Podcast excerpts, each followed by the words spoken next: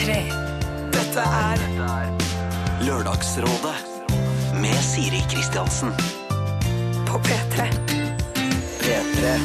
Da var altså Lørdagsrådet tilbake på plass. Og det betyr altså også jeg, Siri Kristiansen, er tilbake på plass fra en lang, lang ferie. Jeg har hatt en fin ferie. Det håper jeg du også har hatt, eller kanskje har eh, fortsatt. Men eh, ferie for meg er litt vanskelig. Jeg blir veldig, veldig fort eh, utålmodig av å ha ferie. Jeg føler meg veldig fort ikke til nytte for noen ting når jeg driver for mye dank. Jeg skulle gjerne jobbet hele livet, annenhver dag, og heller bare hatt sånn litt dank, i stedet for å ha ukevis med dank på dank på dank på dank. Nå var jeg litt uheldig i år også. Jeg valgte uh, for kanskje sjette gang på rad sånn, å reise til Danmark, som jo er et fantastisk land å feriere. Spesielt i og rundt København, som er uh, min favorittby i verden. Eh, denne gangen eh, valgte jeg litt et uh, uheldig tidspunkt å reise på, sammen med da min uh, elskede lokføreren fortsatt, og mine to barn. Fordi det regnet i ti dager i strekk.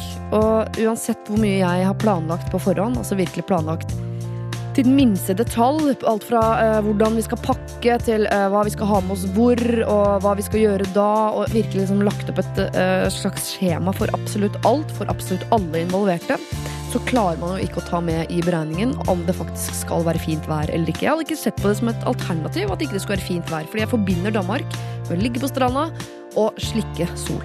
Så regner det altså da i ti dager i strekk. Og jeg kan godt si at eh, barna blir sure, eller mannen blir sur, eller noe eh, men fasit er at jeg blei pottesur. Og når jeg er sur, så er det ofte fordi jeg egentlig er lei meg. Og jeg var lei meg fordi uh, alt jeg hadde planlagt, gikk i dass, og da tok jeg det ut ekstremt personlig.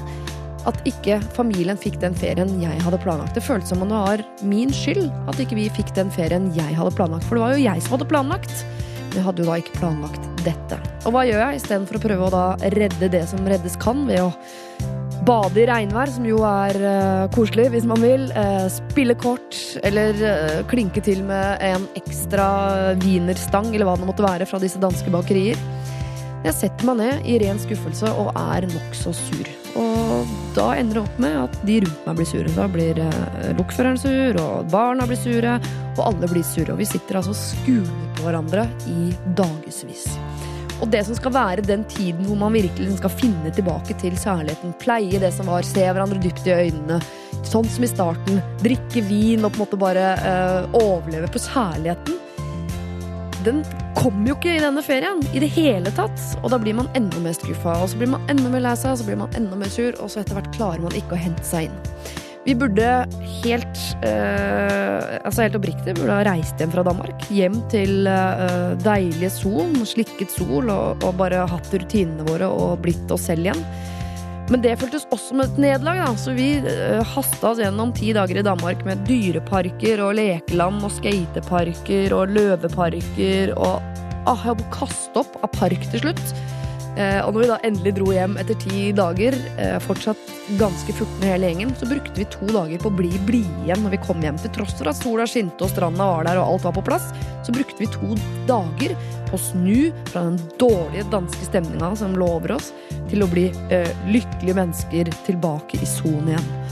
Men nå kan jeg da eh, lettet puste ut og si at jeg har hatt to veldig veldig fine uker på tampen der, hvor vi har hatt sånn ferie jeg hadde sett for meg med bading og soling og spising av is og bare sånn helt umotivert graving i sand. Jeg vet ikke hva man graver etter eller graver til, eller noe som helst. Man bare sitter i en slags uh, vakuumtilstand, og tida går. Og det er jo det ferie på en eller annen måte handler om. Så eh, nå er jeg tilbake der jeg var. Her sitter jeg altså og elsker min kjære lokfører og er fornøyd med det meste i livet. Men jeg er også veldig, veldig veldig fornøyd med å være tilbake sammen med deg her eh, på P3. Vi har masse fine problemer i dag, og flere kan det bli. Send det inn med mailadresse lralfakrøll.nrk.no. Så skal jeg prøve å hjelpe deg så godt jeg kan, sammen med dagens eh, rådgivere. Dette er Lørdagsrådet På P3. P3. Vi har hørt Matoma sammen med Becky Hill og deres False Alarm. Og nå har jeg fått alle rådgiverne på plass. God morgen, eh, Hans Olav Brenner. Eller Hans Majestet Olav Brenner, som du heter her. Takk for det. God morgen. God morgen, Henriette Stensrud. Hei. Og Linnea Myhre. Hei. Har dere hatt fin sommer? Veldig. Hva betyr det? Det Betyr akkurat passe lang. Tre uker intensivt. To uker på Hvasser. En uke i Palma. Ferdig. Hvor er Palma igjen? Mal Mallis.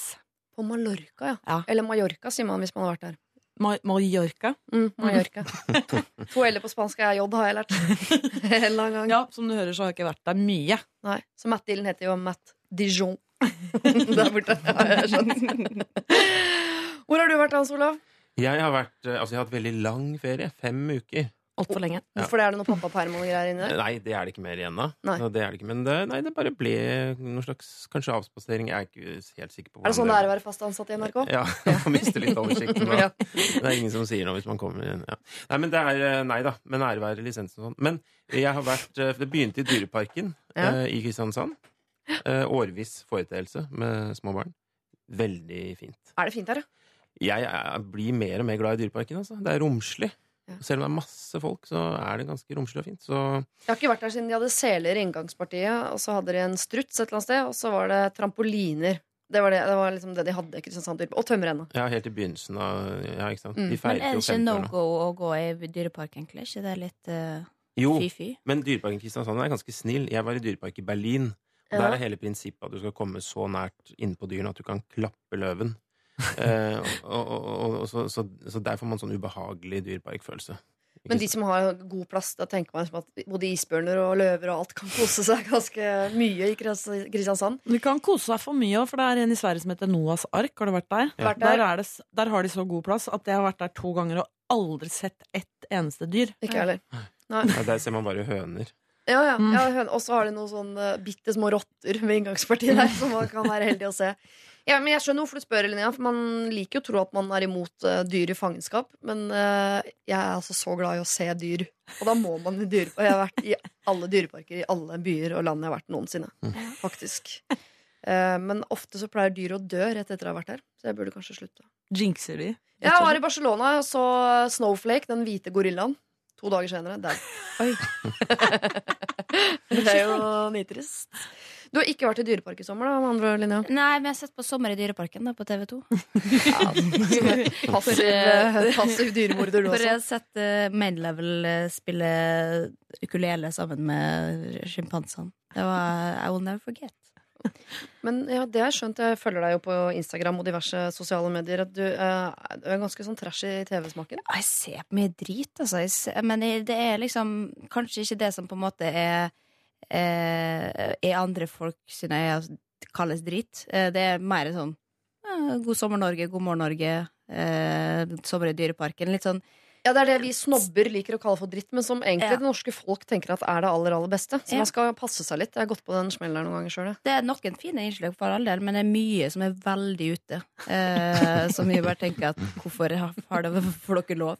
Men uh, Så det syns jeg er gøy å pinne seg gjennom av og til. Og altså på grensen, da. Det er jo min favoritt. Men, uh, og det har jeg sett mye på i sommer. Men det er med to forskjellige utfall. Som kan bli kjempedepressiv av det og ikke greie å reise meg opp fra sofaen etterpå. Og sånn, hvis vi ser det til frokost, for eksempel.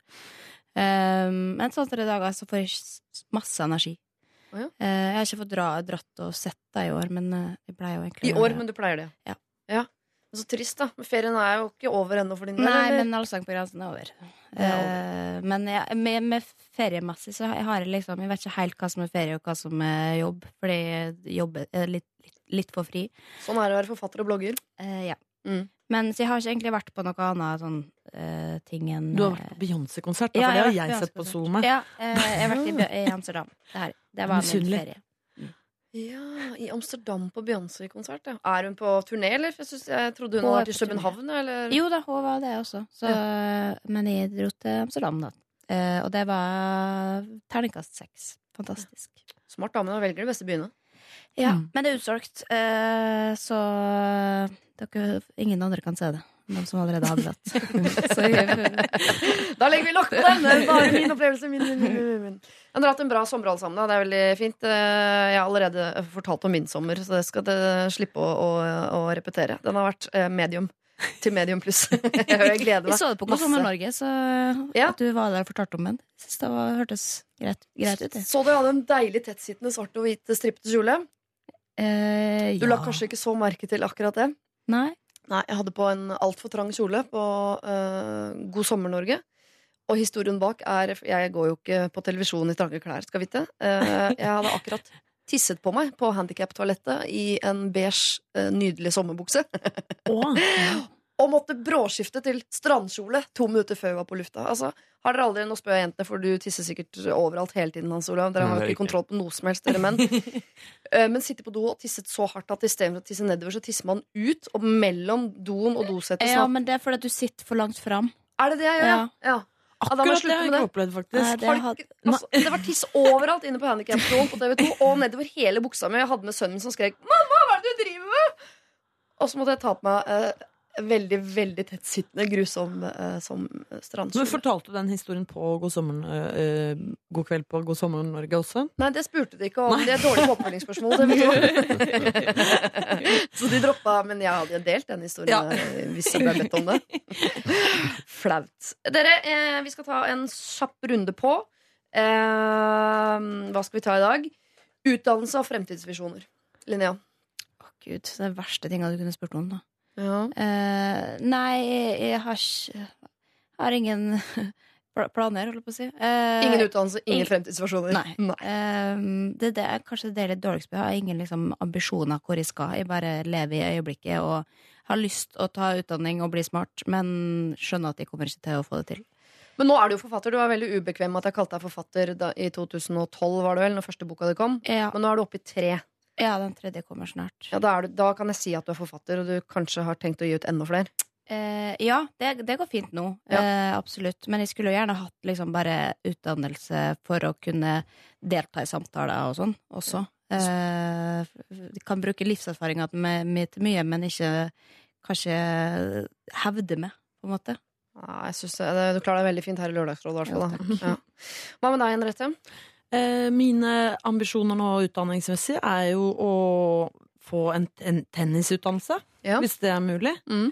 Det er kanskje litt seint, men jeg har oppdaget uh, tennis. Så hvis det fins en sånn 40 pluss uh, profesjonell tennisskole, så Mm. så gjerne gå på den og bli best i, i, av de på 41. Tvåårig Bjørn Borg-skolen i Bjørn, hvis Bjørn Borge-skolen fortsatt tar ikke opp eh, elever, så søker jeg. Eh, Hans Olav Brenner. Ja, altså mer utdannelse, tenkte du på? Nei, egentlig tenkte jeg hva du er utdanna, og hva sånn, ja. du nå drømmer om å bli. Å, sorry. Er det sant? Ja. Jeg skjønte at du misforsto. Jeg orka ikke å ta Nei, nei, det er bare Nei, jeg trodde jeg hadde skjønt spørsmålet først, men så var det så forskjellige svar. At Ja. Nei, men det er sånn, jeg skjønner ikke spørsmål, for jeg har ikke utdannelse. Det er det som er, altså, Du bruker for vanskelige ord for meg, Siri. Og jeg er så konfliktsky at jeg turte ikke å si fra at dere tok feil, begge to. Det er veldig deilig Hans at du rydder opp. Nei, men jeg har jo noe utdannelse, jeg. Absolutt. Mye vekttall og relativt få grader per vekttall. Men jeg, har, eh, altså, men jeg er fornøyd med det jeg har. Ja. eh, og leser jo en hel del sånn daglig, mer eller mindre. Så jeg tenker liksom at det er fin flyt, og Ja. fortsetter. Og er litt opptatt nå av å få gjort noe hver dag. Ja. Eh, det er min framtidsvisjon. Ja. Å liksom kunne gå fra jobb for eksempel, og si til meg selv i dag gjorde du det og det og det. Nå høres ut som en 100 år gammel dement mann, men eh, Og så bare jeg får på meg klærne om morgenen, så, så er jeg fornøyd. Uh, men hva vil du bli når du blir skikkelig stor, da? Nei, altså, det, det er jo ikke noe altså, Drive med programleder på TV er jo ikke noe for voksne mennesker, det. Så jeg må jo finne på noe etter hvert. Jeg må jo ha en plan. Ja. Men den har jeg ikke ennå, så vi får se. Hilde Hummelvold ble lærer, og Petter Nome driver jo med øl. Ja. Er det noe der? Det er jo noe der for dem. Absolutt. Så, og, og mange måter å drive med øl på. Men jeg får bare se. Altså, det, jeg, får nok noen frodige interesser snart, som Ja. munner ut i noe konkret som jeg kan få betalt for. Da følger jeg med spent eh, videre. I dag er dere i hvert fall rådgivere alle tre. Jeg skal løse problemer fram til klokka tolv, basert på mage, hjerte, hode og det dere måtte ha av eh, kroppsdeler. Eh, Før vi tar første problem, så skal vi høre Justin Bieber sammen med Major Lazer og Mø. Dette her er Cold Water. Dette er Lørdagsrådet På P3. P3. Amy Winehouse og hennes rehab har vi hørt, og før det eh, Justin Bieber, Mø og Major Lazer med denne Cold Water-låta. Nå skal vi ta morgenens første problem, og rådgiver i dag er eh, forfatter Linnea Myhre, Myhre blablabla, eh, programleder Hans Olav Brenner og skuespiller Henriette Stensrup. Ok, Kjære Lørdagsrådet. Nå i sommer bor jeg hjemme, og det er jo hyggelig og greit å tilbringe litt tid med familien da jeg ellers bor i en annen by. Men av hjemmeboing følger det jo av og til irritasjoner over de andre man bor med. Og én irritasjon går meg virkelig på nervene. Min stemor har nemlig en favorittkopp som hun drikker kaffe fra. Og her starter problemet. Hun vasker den ikke. Hun har fått for seg at kaffen smaker bedre fra en brukt kopp enn fra en ren kopp. Og greit nok et par ganger eller kanskje til og med en uke, men nå, etter noen måneder, så syns jeg det har gått litt langt. Koppen er egentlig farget eh, kremhvit, men nå er den kaffesvart inni, og også langs kanten rundt og utenpå begynner å få flekker etter å ha vært vel brukt. Jeg syns dette er kjempeekkelt. Den lukter ikke sånn god kaffe, den lukter stramt og ser guffen ut. Jeg har prøvd å foreslå at den burde vaskes, men dette blir blankt avslått. Så hva skal jeg nå gjøre? Jeg håper på svar. Hilsen Kristine. Lagt ut bilder av denne koppen på Facebook-siden til Lørdagsrådet, og dere har sett den, dere også. Og øhm, hvilke følelser dukker opp når dere ser bilde av denne koppen? Tenker litt på farmor. Ja. Den aller, aller siste tiden. Men- For hun så litt sånn ut, eller hadde hun en Ja, sånn kopp? Eller? Nei, hun hadde litt sånn kopp Eller hun hadde en spesiell måte å lage kaffe på. Da. Hun lagde den i varmtvannsspringen. Det er faktisk eklere, syns jeg, enn det, da. For det føles ikke riktig å lage kaffe med varmtvann fra springen som pulver. At da har du gitt opp litt. koke vann engang. Nei. Jeg føler at du har gitt opp litt. Men dette er jo ikke tilfellet her. Dette er jo ikke en 110 år gammel eh, dame. Det står bare stemor. Det, Ja, for, for meg så var det sånn stikkord her er ikke kaffekopp, men stemor. Altså, det at man bruker energi på å irritere seg over For det første så blander hun seg jo i hvorvidt dette faktisk lukter godt og smaker godt og sånn. Det må hun Mm. jo bare holde seg unna, for smaken må vel være subjektiv. ja. Uh, og for det andre så tenker jeg at liksom én kopp, hvilken plage kan man få ut av det? Så Mm. jeg ville gått inn i en tung uh, ransakelse av mitt forhold til svigermor før jeg begynte å liksom tenke på hva denne kokken Altså, den blir jo tungt symbolsk. Du går hardt ut du, i dag og, og gjør det til noe større Ja, enn at det handler er om en kaffekopp. Man skal jo aldri, eh, hva skal man si, gjøre opplevde problemer eh, til detaljer, liksom. Fordi at det er jo et opplevd problem. Men jeg syns det var på kanten. Altså som kaffeelsker, Mm. og som en som forbeholder meg å bruke kopper om igjen. Kanskje eh, ikke like mange ganger som denne stemoren, da. For det var jo noen voldsomme avleiringer der, kan du si. Ja. Langs kanten og sånn. Men, men, men liksom, akkurat den lille verden der, den må man få ha i fred, altså. Men er det altså eh, Man kan jo synes at det er ekkelt, så jeg har ikke sjekket dette her. Men er det uhygienisk? Er det noen som veit det? Altså, det er det vel eh, forskning på at det er uhygienisk. Men eh, Hvorfor det? Altså blir det jeg, mener, jeg, altså, Veldig naivt, men dukker Nei, det opp bakterier? Nei, Jeg har ikke utdannelse til å uttale meg om det. Men uh, uh, det vil jeg tro at det er veldig uhygienisk. Men det er tydelig at det kanskje ikke bryr seg så veldig om det. Da. Men det må jo bli en eller annen sånn derre hang-up for hos stemora også. Og det kanskje hun bare må søke hjelp. Stemora må Ja. søke hjelp? Ja, for jeg, Oppfordre til, til det. Hans Olav, du mener at dette her kan hun rett og slett ikke blande Altså Kristine kan ikke blande seg i dette her. Hvis stemor vil ha det sånn, så får hun ha det sånn. Men hvis det er uhygienisk, så er det vel kanskje greit at noen som er yngre og ikke har gitt opp livet helt, tar litt tak. Men jeg, må, bare, jeg er, enig med Hans Olav, fordi eh, ikke sant? Ja, det kan, kan godt hende at det er uhygienisk, men i så fall er det jo bare uhygienisk for stemor.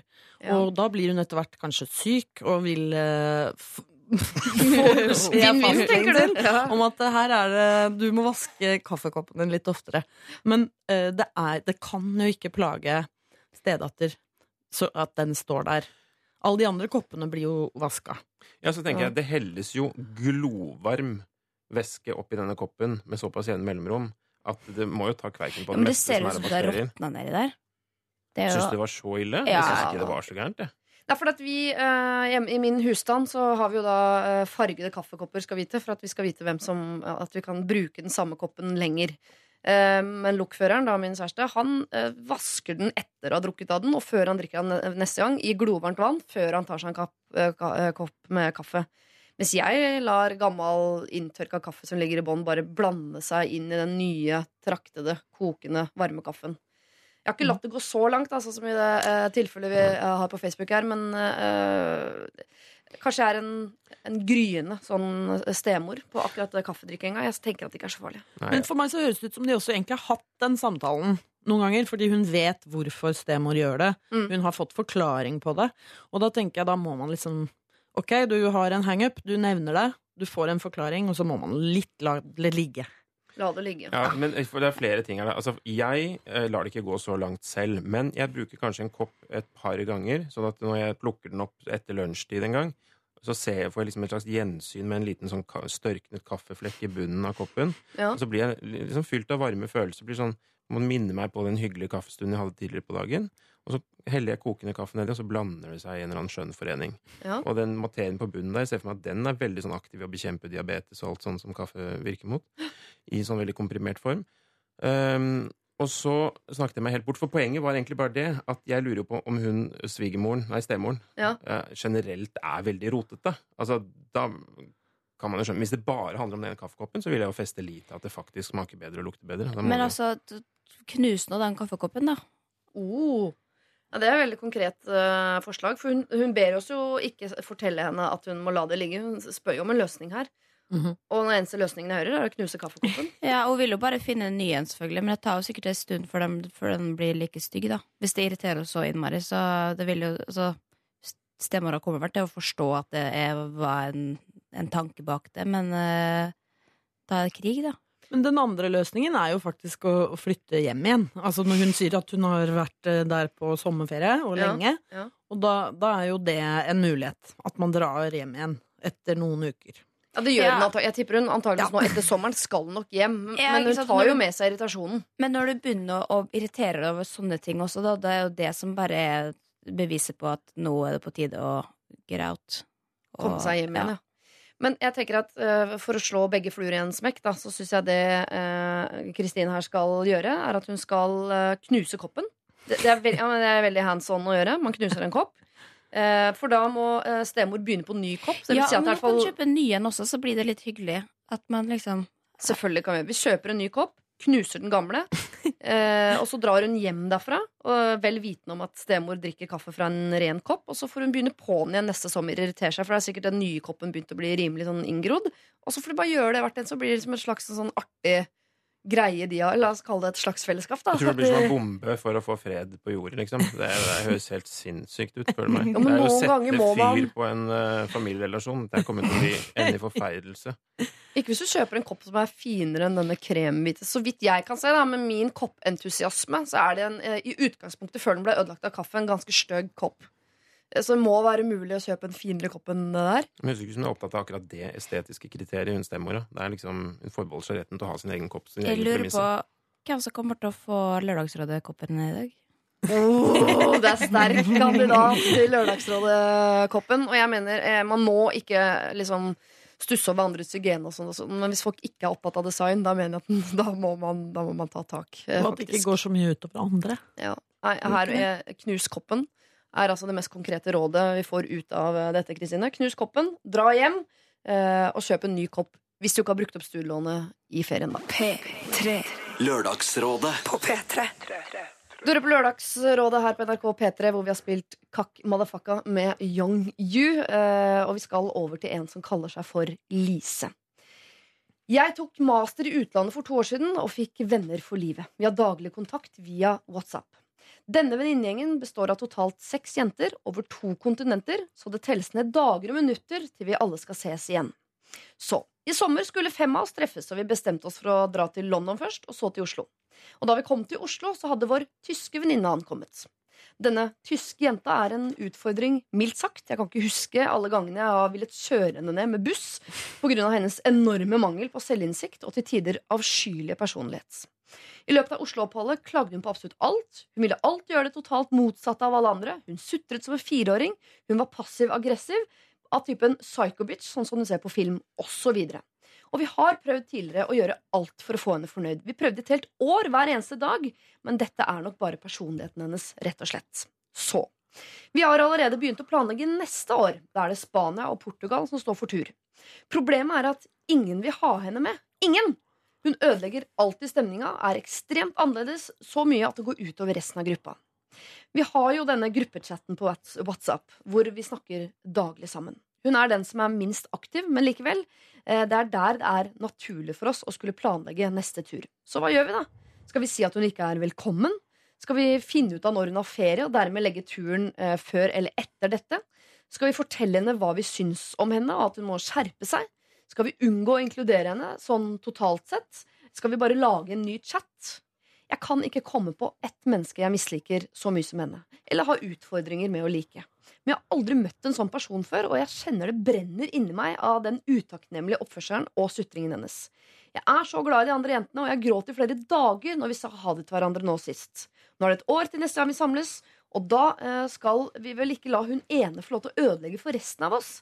Det er ikke en selvfølge eh, at vi får til årlige samlinger, så tiden vi har sammen, er ekstremt verdifull. Dette er ikke en episode av Gossip Girl. Situasjonen er faktisk så surrealistisk som den høres ut. Det er noe galt med personligheten hennes. Hva skal vi gjøre? Hilsen Lise, som hun da kaller seg. Den lille tiden vi har sammen, er ekstremt verdifull, eh, Henriette. Skal vi la tyskerne ødelegge nok en gang? Altså, tyskerne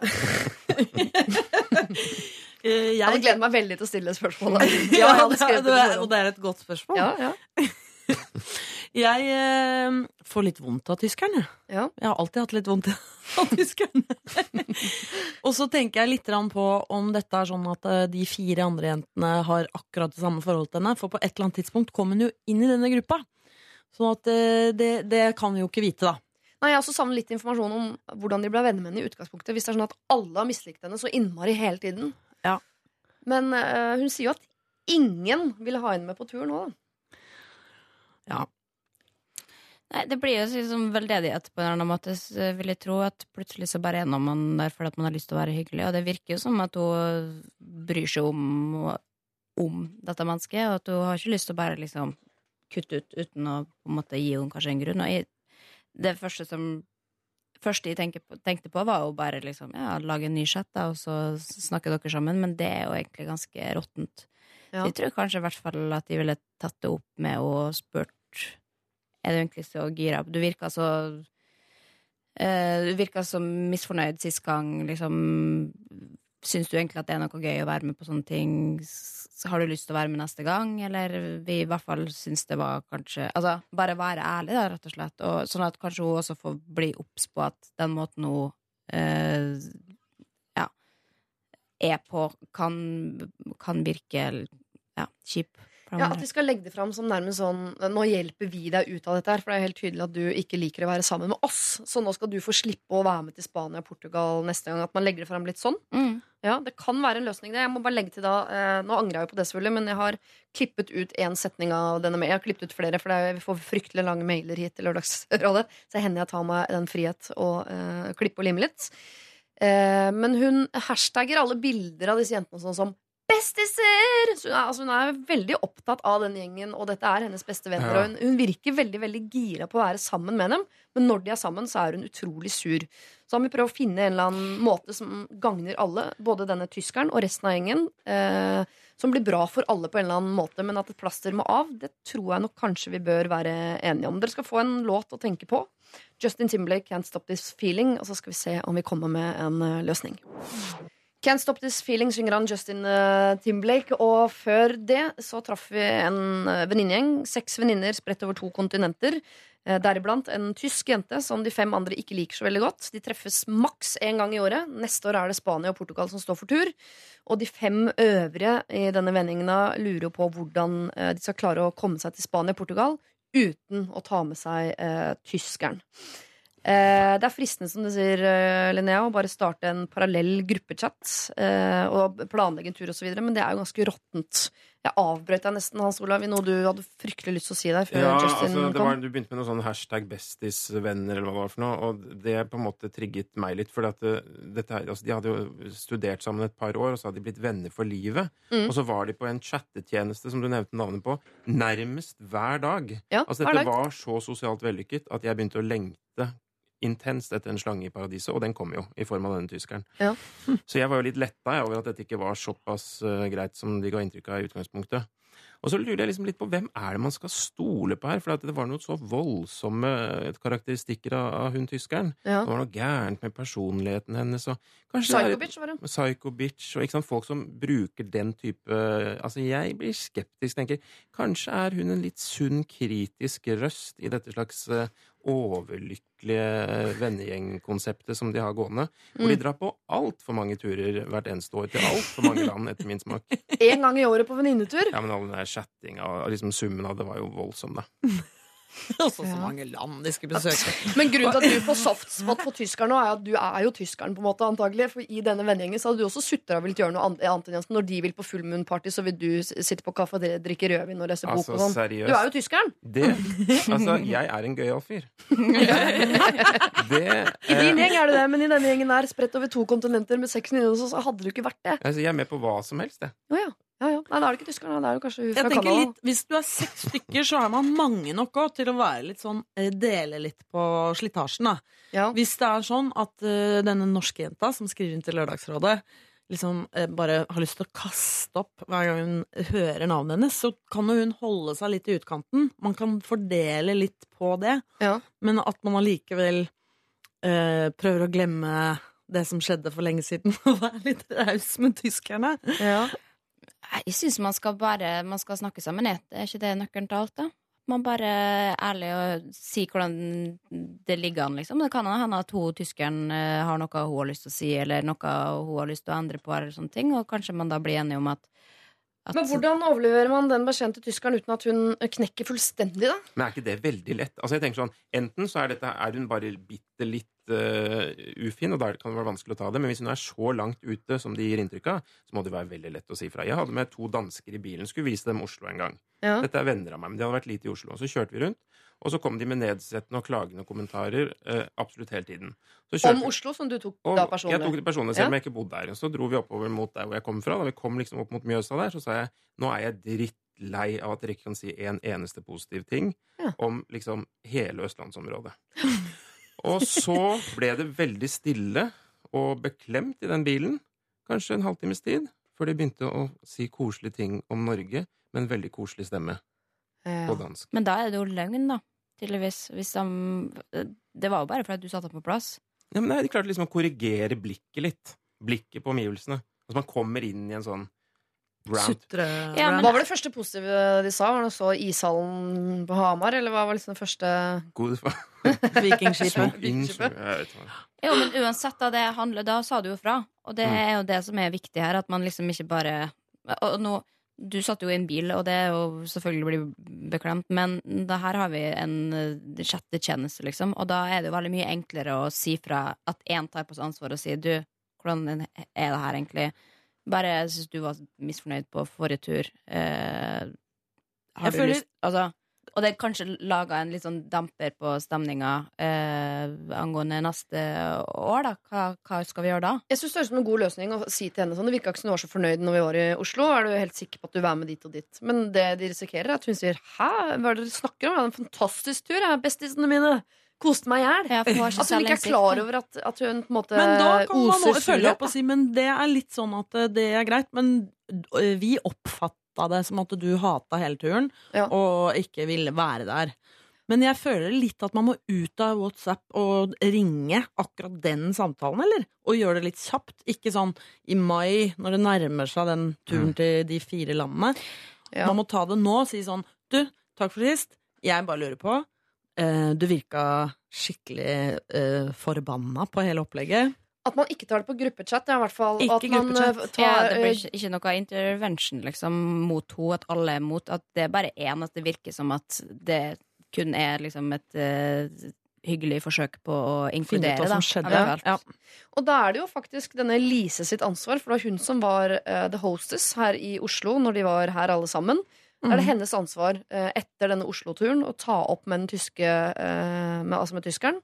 Eh, opplevelsene til de andre jentene av Mm. henne på Ja. det oppholdet. Ja, for det er egentlig veldig enkelt. For jeg tenker sånn, Hvis du tar den der bilaterale praten, altså du ringer til Hva er bilateral prat? Altså mellom to parter, bare. Oh, ja. I motsetning til multilateralt. Ja. Men, nei, men hvis du ringer til uh, dette mennesket, og så sier du sånn Ikke med for sterk formulering, men sier sånn eh, Jeg fikk inntrykk av at du ikke var helt fornøyd i fjor. Og så viser du til tre konkrete eksempler som det er umulig å, å si noe imot. Mm.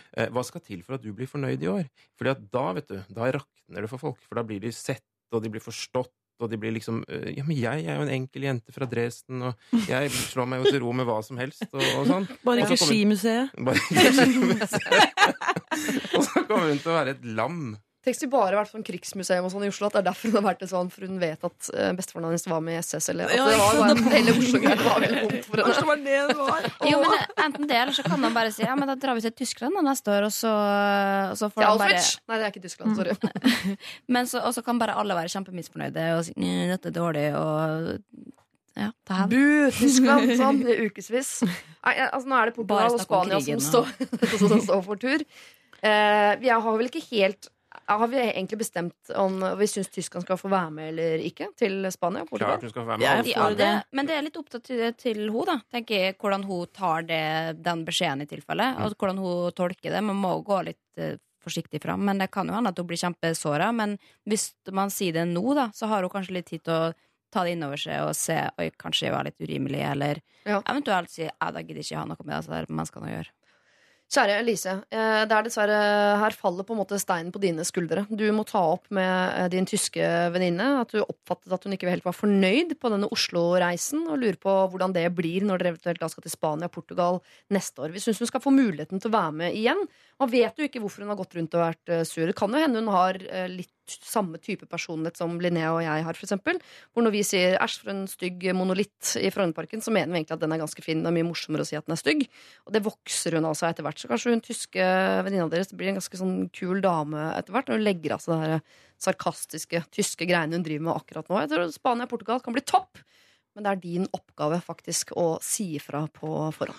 Lørdagsrådet På P3. P3 Du hører på Lørdagsrådet her på NRK P3, som har spilt Astrid sin Hurt So Good, og før Frank Ocean sin Swim Good. Nå skal vi over til eh, et problem hvor vi skal plassere et skap. Og jeg snakker faktisk om et fysisk skap og plasseringen av det.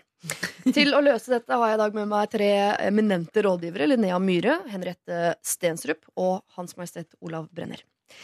Da jeg skulle flytte til Oslo nå i sommer, fikk jeg et tilbud av en venn om å ta over et skap for ett år. For han skulle på utveksling og hadde ikke noe sted å gjøre av dette skapet. Og som den barmhjertige samaritaner jeg er, så takket jeg ja. Alt jeg fikk vite om skapet, var hvor stort det var. Imidlertid, da jeg skulle hente det, viste jeg at dette i realiteten var et mye større møbel enn jeg hadde tenkt. Det er et massivt furuskap, skikkelig 90-talls liksom, som ikke helt passer inn på det åtte kvadratmeter store soverommet mitt. Det er skikkelig stygt og stort og upraktisk. Så over til dilemmaet mitt. Jeg vil ikke se på eller oppbevare noe i denne gyselige, gigantiske klumpen av et skap i et helt år. For ikke snakke om at det tar altfor mye plass. Er det legitimt å angre på avtalen nå? Han har så vidt jeg vet ikke noe annet sted å oppbevare skapet, og jeg kan heller ikke kaste det for han, for det betyr så mye for familien hans, som tror dette er et heltreskap av furu, når det i realiteten er et slitent finerplatemøbel fra Ikea. Jeg håper dere kan hjelpe meg. Kall meg gjerne Ronny, med vennlig hilsen gutt 22. Selvfølgelig skal vi kalle deg Ronny, det er det minste vi kan bidra med.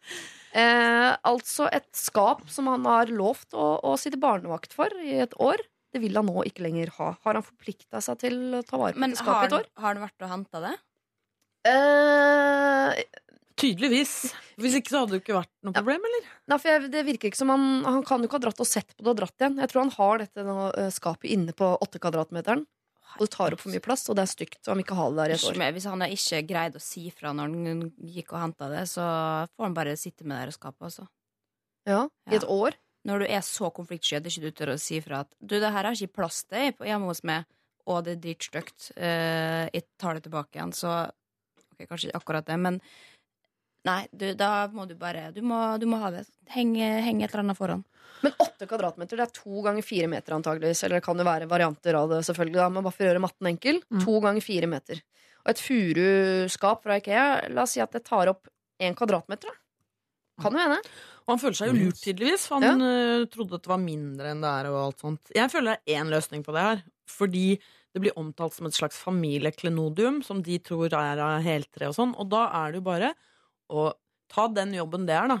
Få løfta det skapet ut av åtte kvadratmeter, inn i en bil, kjøre til familien hans og si vet du hva, sorry, jeg lovte å passe på det skapet her, har ikke plass til det. Dere er nødt til å ta ansvar for det. Men hvis familien bor i Nord-Norge, da? Ja, det, det tar tre dager, det. Å kjøre. Tre dager det i er to kvadratmeter stor bil. Ja, det er sant, det. Ja, det er bare å melde fra om tyveri i gården. Og, ikke sant? At noe så verdifullt kan han ikke sitte med over tid. Uh, Den den får ikke sove om natta. Må begynne å bruke sovemedisiner. Eller er så, skjønner at det er verdifullt og fint. Kanskje? Kan si det? Apropos tyveri, man kunne jo eller sagt at det var stjålet, da. Jeg reagerer på noe annet i denne historien, og Ja. det er eh, Jeg har et skap i Finer som jeg ikke kan ta med meg på studietur til utlandet, og du skal få låne det. Eh, det minner meg om jeg fikk sånne haug med barneklær fra en venninne som jeg føler det er sånn regel på at dette her skal du få til babyen din. Og så ett år senere så sa hun sånn De barneklærne de vil jeg gjerne ha tilbake. Og da hadde jo jeg gitt de videre til Ja, ja, ja. andre barn som hadde, var små. Og det føler jeg litt sånn det er, du kan, det er noen ting du ikke kan si sånn Dette skal du få låne. Og det er kanskje en av de tingene. Sånn skap i Finer. Ja. Gi det bort. Og så er det ikke så problematisk å Ja, for regelen på barneklærne der er i hvert fall å si fra akkurat den der eh, lyselilla med sånne knapper som ser ut som elefanter. Den har min uh, tipp-tipp-oldemor laget, så den vil jeg gjerne ha igjen. Men resten kan du gi videre. ja, Eller at du ikke gir den bort, da. Ja, helt Ja. enig. Selvfølgelig er den beste løsningen. Men dette skapet som vi nå vet at det er Ja. i Finer, men som familien til kameraten ikke vet, dette er den lyserosa jakka med de små elefantknappene Ja, elefantknappene det er jo det. Så de vil ikke at dette skapet skal forsvinne ut av familien. Da må man kjøre til Nord-Norge. Da må man kjøre til Ja, Nord-Norge. Ja, sorry, altså. Ja. Ja, jeg, jeg tenker at, eh, at han bare Ett år er ikke så mye. Det går vel greit, det. Man skal- kan jo venne seg til mye rart, da. Mennesket er jo veldig ja, sånn men, men, mindre, tilpasningsdyktig. men hvis man trenger en unnskyldning, da, så kan du si du er plutselig så er jeg allergisk mot uh, Finer. da. Mm. Eh, Da får du sagt to ting på en gang. Ja. jeg er allergisk mot dette møbelet som har kommet inn i Om det man vil tolke det Eller man kan velge hvordan man vil tolke det. Om det er faktisk, eller om det bare er fordi at det er stygt. Men det er jo liksom, for jeg tenker sånn der, argumentere med at det ikke er pent nok, kan det være liksom vanskelig, tenker jeg, i og med at dette er så betydningsfullt for denne familien. Men rett og slett å til det faktum at dette er en veldig liten hybel. Jeg, jeg gikk hardt ut. Jeg tenkte at dette her skulle bli fint. Men så sitter jeg på denne klaustrofobiske hybelen, og så skjønner jeg bare at dette går ikke. Jeg klarer ikke, jeg klarer ikke et sekund til. Herfra ut gir jeg deg dagbøter hvis du ikke henter det. Dagbøter. Men det, det er noe her også som skurrer for meg. For hvis du er gutt 22 og gjerne vil bli kalt Ronny, og du ser forskjell på Finer fra Ikea og et heltre furuskap, så har du snekkerskills. Eh, da, da for meg er du en håndverker. Eh, det er jeg ganske sikker på. Mm. Og da stusse over designet på det skapet. At ikke du kan ha, det er så stygt at du kan ikke ha ting inni det i et år. Det, han er en veldig sammensatt person, denne Ronny. Jeg, jeg forstår ikke at et skap Jeg er ikke glad i furuskap fra Ikea sjøl, men at det kan være så stygt at man ikke kan bruke det i et år. Han må jo ha et skap. Demonter det, da, og legg det i kjelleren. Der har vi det, vet du. Allergi eller demontering? Allergi Eller eller lang demontering. Kjære Ronny, her synes jeg vi har mange gode løsninger til det. Altså, du kan demontere det, du kan skylde på allergi, du kan kjøre det opp til Nord-Norge, der eh, familien til kameraten din eh, nå bor, har vi funnet uh, ut av. Eller så kan du jo uh, ringe kameraten din og legge fram alle disse forslagene. Si, du, det skapet var litt, du trenger ikke å si hvor stygt du syns det er, og hvor idiot familien hans er, som ikke ser forskjell på finere og heltere og sånn. Uh, men du kan si det er litt større enn jeg hadde trodd inn på dette bitte lite rommet. Jeg syns egentlig ikke jeg har plass til det. Er det noen mulighet for at familien din kan ha det, eller, eller finnes det noen andre, andre alternativer? Kan jeg eventuelt demontere det? Hvis ikke, så er jeg allergisk. Prøv det. Dette er ikke en vanskelig samtale å ta. Du er 22 år gammel. Jeg tenker at Det er et fint sted å starte karrieren som en person som går i samtale med folk når det dukker opp problemer. Og problemer rundt et eh, finerskap fra Ikea. eh, Det er et kjempebra utgangspunkt eh, for at du skal bli en fyr som tør å ta problemer også i fremtiden. Se på det som trening. Lykke til. P3. Dette er Lørdagsrådet med Siri Kristiansen. Martin Solveig der, altså, med sin Do It Right. Vi skal over til et uh, problem dere som er uh, er elementer her som er ganske typisk. Altså elementer som svigerfar osv. Ganske typisk uh, for problemer. Men det er også elementer her som jeg ikke tror er så innmari vanlige, så dette kan bli en nøtt for dere. Og dere er jo da i dag skuespiller, Henriette Stensrup. Kunne kalt deg veldig mye annet. Mm. Tennisstjerne, forfatter, altså i det hele tatt. Gjerne det. Ja, eh, forfatter Linnea Myhre. Kunne kalt deg også my mye annet. Du har kalt meg mye rare greier opp igjennom. Har jeg det? Ja. Har jeg kalt deg modell noen gang? Nei. Nei, Da tar, slenger vi på modell i dag. Eh, Hans Olav Brenner, programleder. Ah, jeg- Unnskyld at jeg ikke husker det, altså, men har du gitt ut bok nå? Og hvor mange unger har det blitt? Han har gitt ut bok, ja. Jeg har gitt ut et par bøker før, men Ja. også har jeg eh, da to barn. To barn og to bøker. Og to bøker. Og en kvinne. Og en Ja. kvinne. Ganske enkel matte, som jeg selvfølgelig burde huske. Neste gang. Neste gang. Kjære Lørdagsrådet. Jeg behøver råd angående en ubehagelig situasjon jeg befinner meg i. Problemet gjelder min brors svigerfar.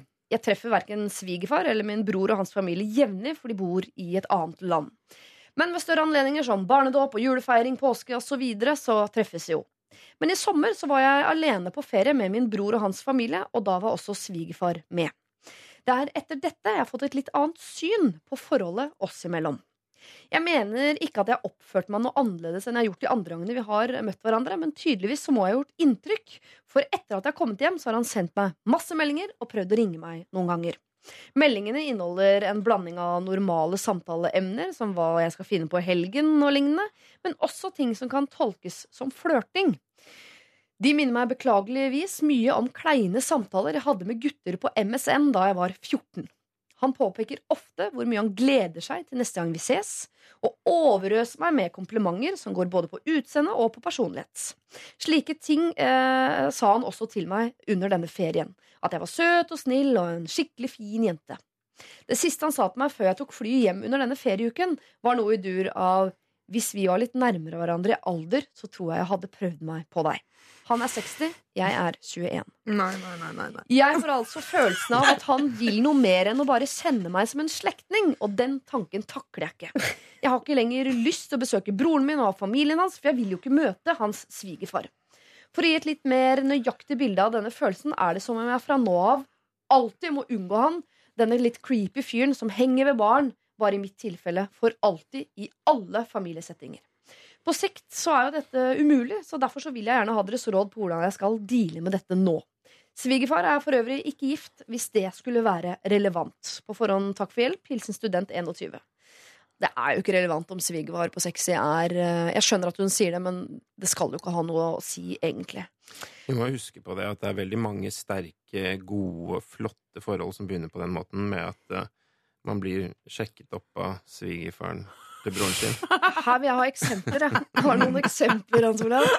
Jeg er sikker på at de fins. Nei, det høres jo helt Dette er jo lett på den måten at det høres helt sinnssykt ut. Ja. Hvordan kommer man seg ut av sinnssyke situasjoner? da? Må man ta sinnssyke grep? Da, Altså. De er jo ikke i slekt. For det første, sånn sett så er det jo ikke noe veien for dette forholdet. Altså, de er ikke blodslig i slekt. Nei. Så det er ikke sånne tabber Så de kunne fått normale barn. Ja. Men det er litt Ja. sånn kjære student 21. Mm. Dette er en gammel gris. Ja. Uansett om han er eh, faren til svigersøsteren din eller ei. Mm. Og det er jo der det blir vanskelig da med bror og svigersøster, som hun sikkert er glad i. og sånn Men det første jeg ville gjort, var å kutte Altså ville jeg aldri svart på de meldingene hans. For de er såpass langt ute i slekt at man skylder ikke sånn Her er det fint vær og svar. eh, liksom så langt ut. Nei. Så det er bare å ikke svare. Ja. Eh, det føler jeg, Fordi da vil det legge seg Mm. den eh, forsøk på kontakt. Jo, men fortsatt fryktelig kleint neste påske eller jul Ja. barnedåp, da. Det er det. Jeg tenker her også snakke si fra. Eller sjekke på skattelister først, og så eh, si fra. Hvis man ikke vil ha noe med en å gjøre. Da. Jeg er jo øh, 99% av tiden enig i at samtaler er en øh, god løsning, men jeg syns det er så urettferdig at man skal bli dratt inn i situasjoner hvor man må være den voksne som har seriøse samtaler fordi en annen oppfører seg ræva. Da mener jeg Når han er en gammel creepy fyr, så ja, det hadde selvfølgelig vært lurt og fornuftig sånn at hun var ordentlig tilbake, men er det ikke lov å bare være litt idiot tilbake? Ta litt Jo. liksom Slutt med den eh, grisepraten din, kan man si. Være litt, sånn, være litt ufin tilbake. Han Ja. har satt henne i en vanskelig situasjon. og Gjør det litt vanskelig tilbake. Ja, for Det syns jeg var litt rørende med jeg-personen her. At hun liksom lette litt etter en sånn naturlig forklaring på at eh, det ble så mye kontakt, opplevde jeg da mellom linjene her. At eh, kanskje de hadde noen felles interesser. Altså Hvis begge hadde vært sykt opptatt av middelalderkirker, eksempel, Ja. så, og de fant ingen andre i slekta som var det minste interessert, så kunne de jo på en måte eh, rettferdiggjort en sånn type kontakt eh, mellom dem. Men det virker som at dette er på et veldig sånn basalt, eh, gammal eh, gris eh, og så videre. Og da tenker jeg at Men, altså, men samtidig de, Hun ser han ytterst sjelden. Mm. Altså, er ikke dette Fins det ikke masse sånne folk som man bare kan avskrive, liksom? Altså, når oppstår det problemet at I barnedåper og påske og jul og altså, Det er er bedre å si fra enn å bare liksom tie, for da kommer det jo det problemet opp hver gang man skal møtes. Da, og så har ikke, som hun sier, at hun har ikke lyst til å reise på ferie hvor han er. Da er det bedre at hun får sagt det en gang, eller sagt du, jeg, jeg skjønner ikke helt hva du vil med det her, men jeg har kjæreste, og, og vi kan aldri nærme oss på noe som helst måte. Eh, vennligst ikke skriv meldinger til meg. Ja, for Hadde det vært en ekkel fyr i hotellbaren, liksom, så kunne hun bare gått Ja. derfra. Men dette er en fyr hun skal møte i sånn høflige settinger de neste 100 årene. Men jeg òg tenker litt på det. Man kanskje alliere seg litt med bror. Ja. Fordi sannsynligvis så er bror til student 21 litt eldre enn henne, og kanskje kan hun kan liksom si 'jeg opplevde sånn og sånn'. Virker som hun tar på seg litt skyld. Sier sånn 'kanskje jeg har oppført meg annerledes i år enn i fjor', og sånn. Mm. Helt sikkert ikke. Han er en gammel gris, punktum. Mm. Men bare liksom fortell om det til broren og si 'jeg vil ikke lage noe trøbbel for verken deg eller eh, din kone', men det syns jeg var så ubehagelig. Hvordan, hva skal jeg gjøre med det, liksom? Få litt hjelp. Jo, men Men da så- sprer man jo ubehaget. Ja, ikke bland Ja, alle inn i det. For da, hvis hun sier det til han, så kommer jo han til å si det til kona. Og det er jo ingenting som er verre enn å vite at far din Faren din driver er og gammel prøver. gris. Ja, ja. Men sånn er det ikke bare, å tenke hvis det for er en, eh, La oss si det er et bryllup de møtes i, da, og så rett og slett bare ved bordet klirre på glasset og reise og, og fortelle historien. Du har den grønne talen. Nå skal jeg lese opp alle SMS-ene jeg har fått det siste året. Da kan alle ta fram den gule talen, og det er bare utprint av MNS. Eh, nei. Dere, eh, vi tenker litt til på dette her. Fordi eh, han er ekkel, han er en gammel gris, det er vi enige om. Eh, hun har blitt satt i en litt sånn urettferdig eh, situasjon. Hun må komme seg ut av den, hvis ikke så kommer hun til å møte dette problemet hver gang hun er på familietilstelninger på, på den siden av slekta. Så at hun må ut av det, det må vi finne en løsning på. Og at han er for pågående og er en gris, det er vi helt enige om. Så alt ligger til rette for at vi skal klare å finne noe meget konkret som gjør det enkelt for denne studenten på 21 å komme seg ut av denne ekle, ekle situasjonen.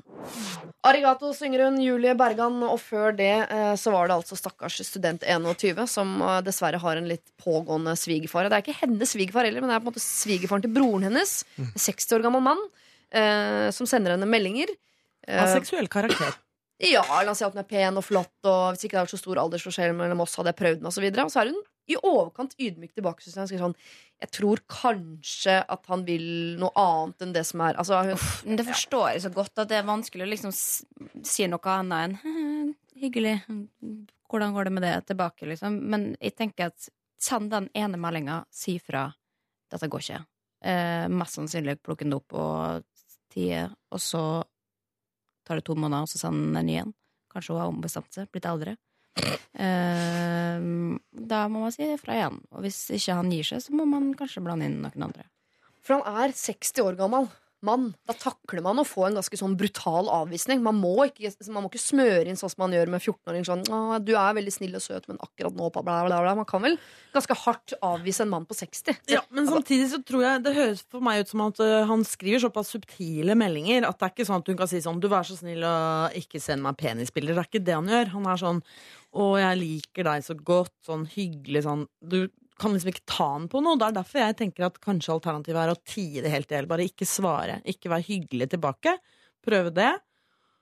Så vil han slutte å mase, liksom. For det er ingen grunn til at de skal ha massiv kontakt over uh, skal ikke ha kontakt i hele landegrensene. tatt. Nei, virkelig ikke. Kan man ikke si at, at uh, late som man er kjæreste og si at du, kjæresten min syns det er litt rart at du sender meldinger til meg så ofte, eller altså gi, legge skylda på noen andre, da. Jo, men Da sier han til datteren sin sånn Å, jeg hører at uh, Ja, men... 21 har fått seg kjæreste. Så hyggelig. Ja, Ja, da må si sånn, ja, ja. Jeg måtte late som det, skjønner du, for faren din er en gammel gris. Man må involvere masse folk i den løgnen. Da. Jeg, Ja, jeg, nei, jeg bare at, jeg skjønner at han ikke kan skrive sånn 'Slutt å være så innmari forelska i meg, din kåte gris', og så er han ikke det. Men Man, han, man kan skrive eh, noe i retning av eh, Jeg oppfatter at du vil ha en kontakt med meg som ikke jeg ønsker å ha med deg. Så Ja. jeg setter pris på om du, om du Slutter å sende meg meldinger. Jeg tror nok han det er bare bra. Skriv ned det. Men, men, det, men det er jo altså et eller annet sånn veldig Jeg tenker sånn, Hvis man skal tenke seg den svigerfaren der og liksom Oi, hun der, hun var litt ålreit. Begynner å sende meldinger. Altså, det er på en måte ganske langt ute. Så jeg Mm. tenker sånn at det, det, Man får jo følelsen at det henger sammen med kanskje litt ut, generell utaktisk eh, innstilling til verden. Så jeg ville gått, gitt at jeg hadde et godt forhold til denne broren min, hvis svigerfar dette er, så ville jeg Ja. sagt sånn Du ser på disse meldingene her. Jeg har fått dem av svigerfaren din syns det er vanskelig å vite hvordan man håndterer sånt. Er dette typisk han, eller altså, hva er dette for noe? Fordi at eh, man trenger jo litt informasjon om situasjonen der. Og hvis han sier da, ja, han er en gærning, liksom, eh, kona mi som vel var blitt, eller sånn, hun har jo vært oppgitt over han i årevis, og eller altså, han Mm. må liksom få litt hjelp til å få fortolket dette handlingsmønsteret, som jo er meget pussig. Ja, for det kan jo hende at han er en gammel sånn Alfons som bare alltid har stått i baren og dratt masse damer, og ikke har skjønt at liksom uh, eplet har begynt å råtne. At han klarer ikke å la være å sjekke opp unge, pene jenter.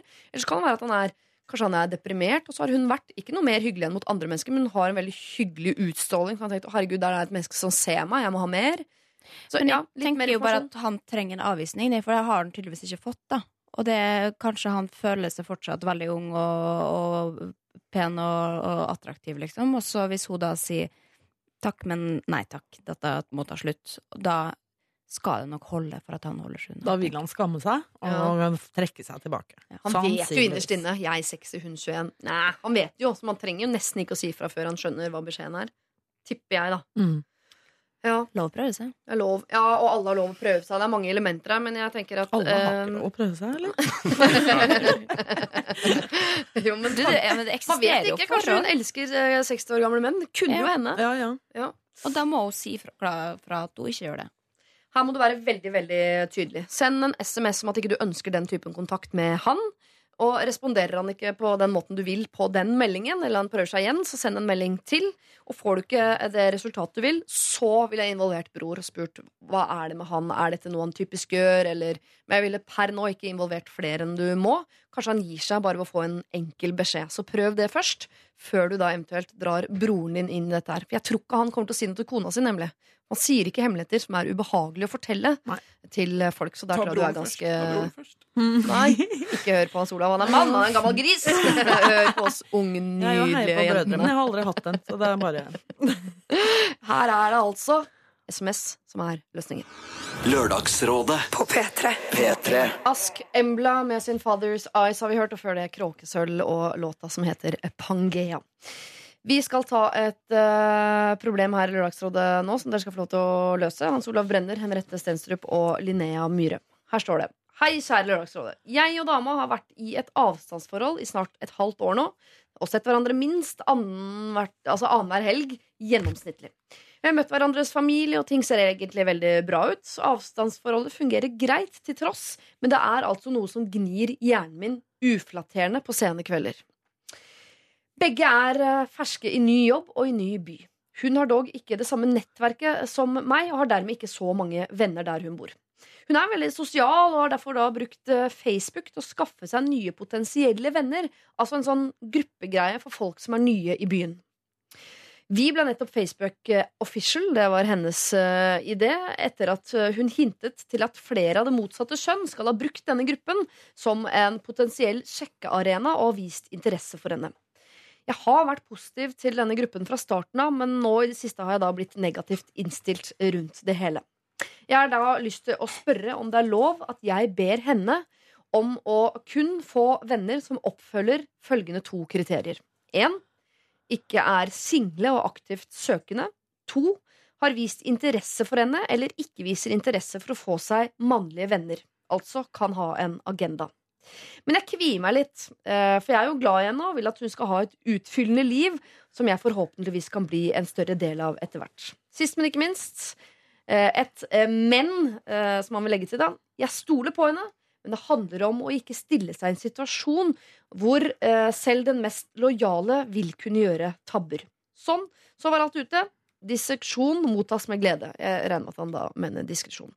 Hilsen Long Distance Man. Ok.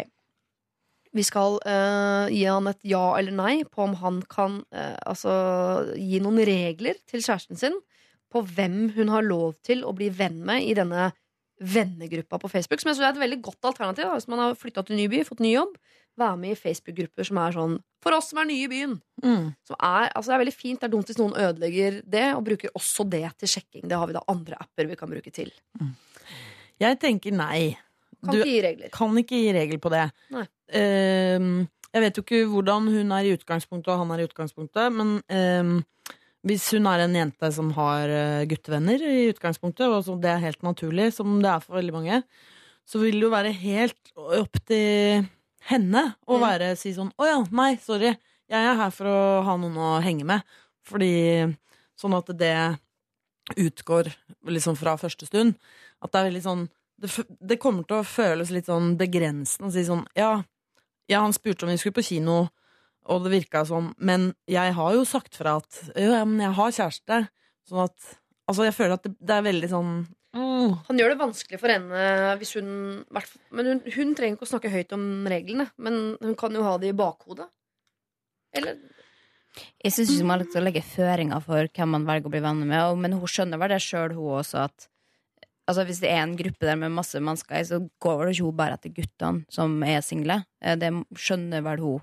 På, altså, Ja. med mindre hun er en som kun har, har Eller har for vane å få seg guttevenner da, som trives best sammen med dem. Da, da må jo han bare kunne leve med det i tilfelle. Men jeg hadde tatt det veldig ille opp hvis min kjæreste skulle lagt føringer på hvem jeg kunne bli venn med eller ikke. Det, det er viktig å ha, ha både kvinnelige og, og mannlige venner, tenker jeg. Hva hadde du tenkt deg, Hans Olav, hvis kona di plutselig La oss si hun flytta til en ny by, da, og trengte nye venner, oppretta en gruppe for folk som var nye i byen. Altså Hvis kona mi hadde gjort det du sa der nå, så ville det vært veldig spesielt. Helt enig. Så det, det var så mye jeg måtte ta fatt i som før det der med sånne nettgrupper. Um, sånn at uh, det var Altså, jeg må si Jeg følte meg litt respektløs da dette problemet ble lest opp. Oh, ja? For jeg falt litt ut. Oh, ja? Og jeg klarte ikke helt å Altså, jeg let, man leter jo etter knagger i sitt eget liv. Uh, og de dukka liksom ikke opp i hodet mitt. Sånt. men jeg syns jo intuitivt ikke høres bra ut å drive og legge føringer på hvem andre skal bli venner med. Og Linnea sa at det er viktig å ha venner av begge kjønn, øh, hørtes ut som. Og det Ja, det er vel i hvert fall bra, da. Ja. Jeg det, man, det, det, det bunner jo i at de har et langdistanseforhold som er vanskelig, og da er man usikker og vet ikke. Plutselig blir man usikker på andres følelser og egne. Altså, Det er jo der det ligger. Det ligger jo ikke i den Facebook-gruppa.